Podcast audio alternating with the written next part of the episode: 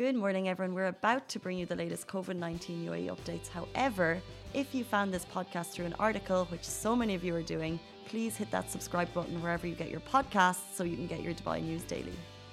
Good morning, Dubai. How are you doing? Happy Sunday. Welcome back to the Lovin Daily. How are you doing? Are you on your way to work? Did you have a fabulous weekend? Ali Baba, good morning. How are you? Good morning, Casey. How are you? And good morning to everyone who's watching. Um, yeah, good morning. I'm very good. I'm slowly, slowly waking up. I don't know. Some mornings it just takes me a little bit longer, and today's one of those mornings.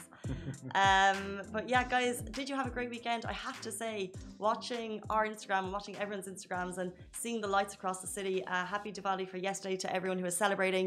Uh, you know, it's been weird. There's been different celebrations. There was Halloween and whatever over the last couple of months, and I feel like it didn't really feel like it was Halloween.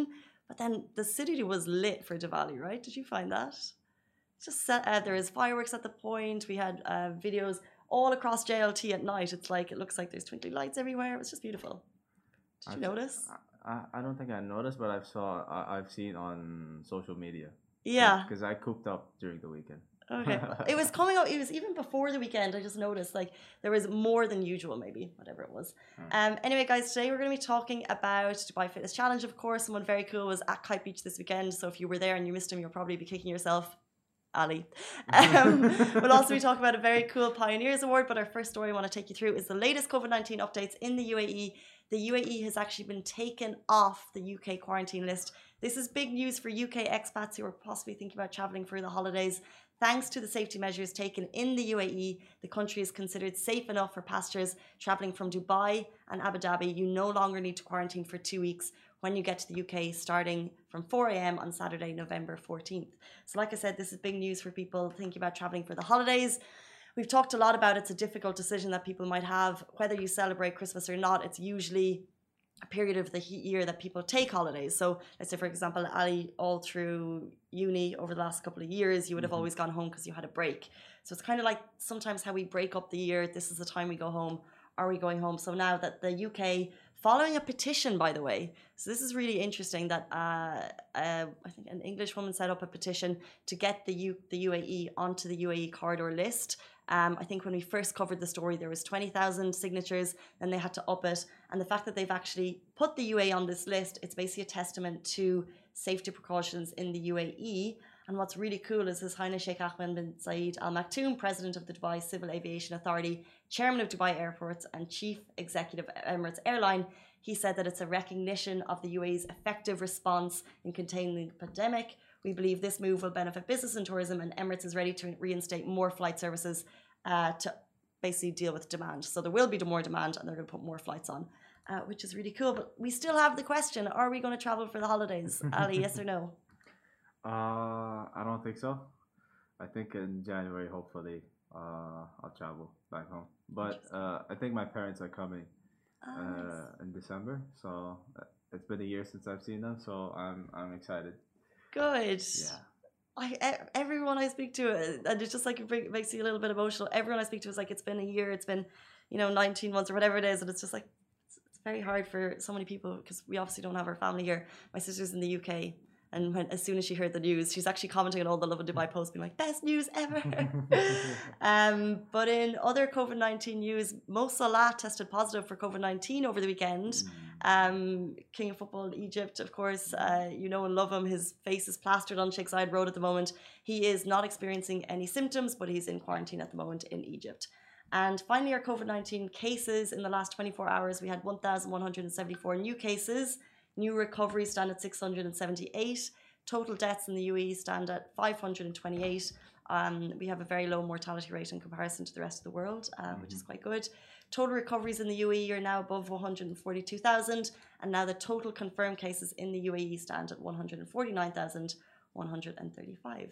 Lovin Extra is here. This is the new membership, and while absolutely nothing changes for our readers, extra members get access to premium content, exclusive competitions, and first look for tickets and access to the coolest events across the city, and Lovin merch. If you subscribe right now, a very cool Lovin Red Eco Water bottle will be delivered to your door. And we'll move on to our next story. This was announced yesterday. You can nominate exceptional role models for UAE Pioneers Award. So His Highness Sheikh Mohammed bin Rashid Maktoum announced this yesterday on Twitter, and now he's calling on you to nominate exceptional individuals, institutions, or initiatives across the UAE who basically contributed in making the UAE a role model in dealing with the COVID 19 pandemic. And it's actually very, very cool because if you know someone you think is deserving of a reward and honor, uh, you can just go onto Twitter and say why uh, using the UAE hashtag UAE Pioneers. So if you just say, I think Alibaba is deserving of the UAE Pioneers Award because he came to work every day. He made sure we got the COVID news out safe and safe and sound in a timely manner. Hashtag UAE Pioneers. I'm effectively nominating him. And then you could win an award from His Highness Sheikh Mohammed bin Rashid Al Maktoum, ruler of Dubai, which is cool. Um, but I actually think the cool thing about this is, regardless of whether you actually get the reward in the end, it's basically publicly saying this person is de- deserving. So, for, let's say, for example, if we nominated a person or an institution or an initiative, I think people would just, regardless if you get the reward, the fact that you go out of your way to do it for someone Mm. is really nice. Um, and the cool thing as well is that you can go onto Twitter and see other nominations. So I just went on this morning and I saw Hassan Sajwani is someone I follow on Twitter, and he has already nominated a doctor who he thinks is deserving. He said, "I suggest, uh, I strongly recommend this doctor." He hasn't given the reason why, so I think if you need to give, I think you should Mm, give a reason to why as well. Like what he does, his daily routine, his weekly routine since lockdown. You know. Or, or maybe like a specific circumstance that he's helped to.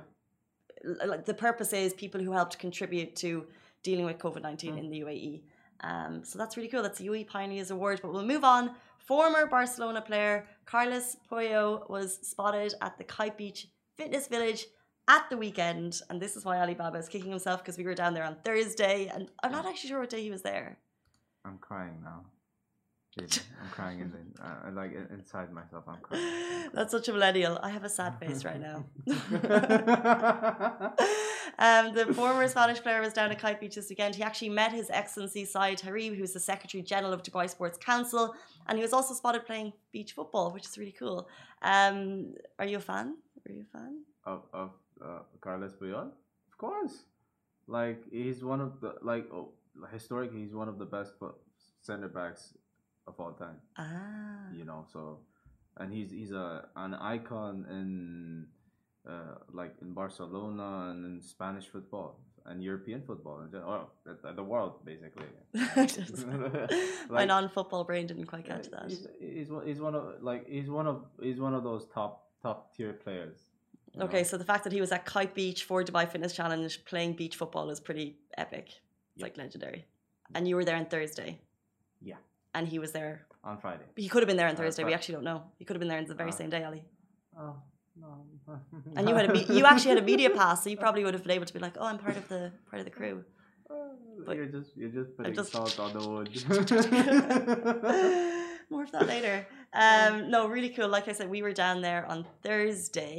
Uh, we just went for a bit of a team outing. We did because it's really cool. It's like um, going out. We were able to um, choose. There was obviously heaps of stuff going on, and then a lot of us just chose volleyball. But there was all sorts. There was like fitness classes, like trampolining classes, boxing, water sports Mhm. um, football, obviously, basketball, cycling, and it's all free. And I'll say it once, I'll say it again how incredible um, all of the free stuff happening across the city, city for Dubai Fitness Challenge is.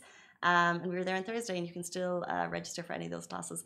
Those are top stories, guys. Thank you so much for tuning in. We're back with you every single weekday morning at 8:30 a.m. And we'll see you tomorrow. Stay safe, wash your hands, and have a brilliant Sunday. Bye.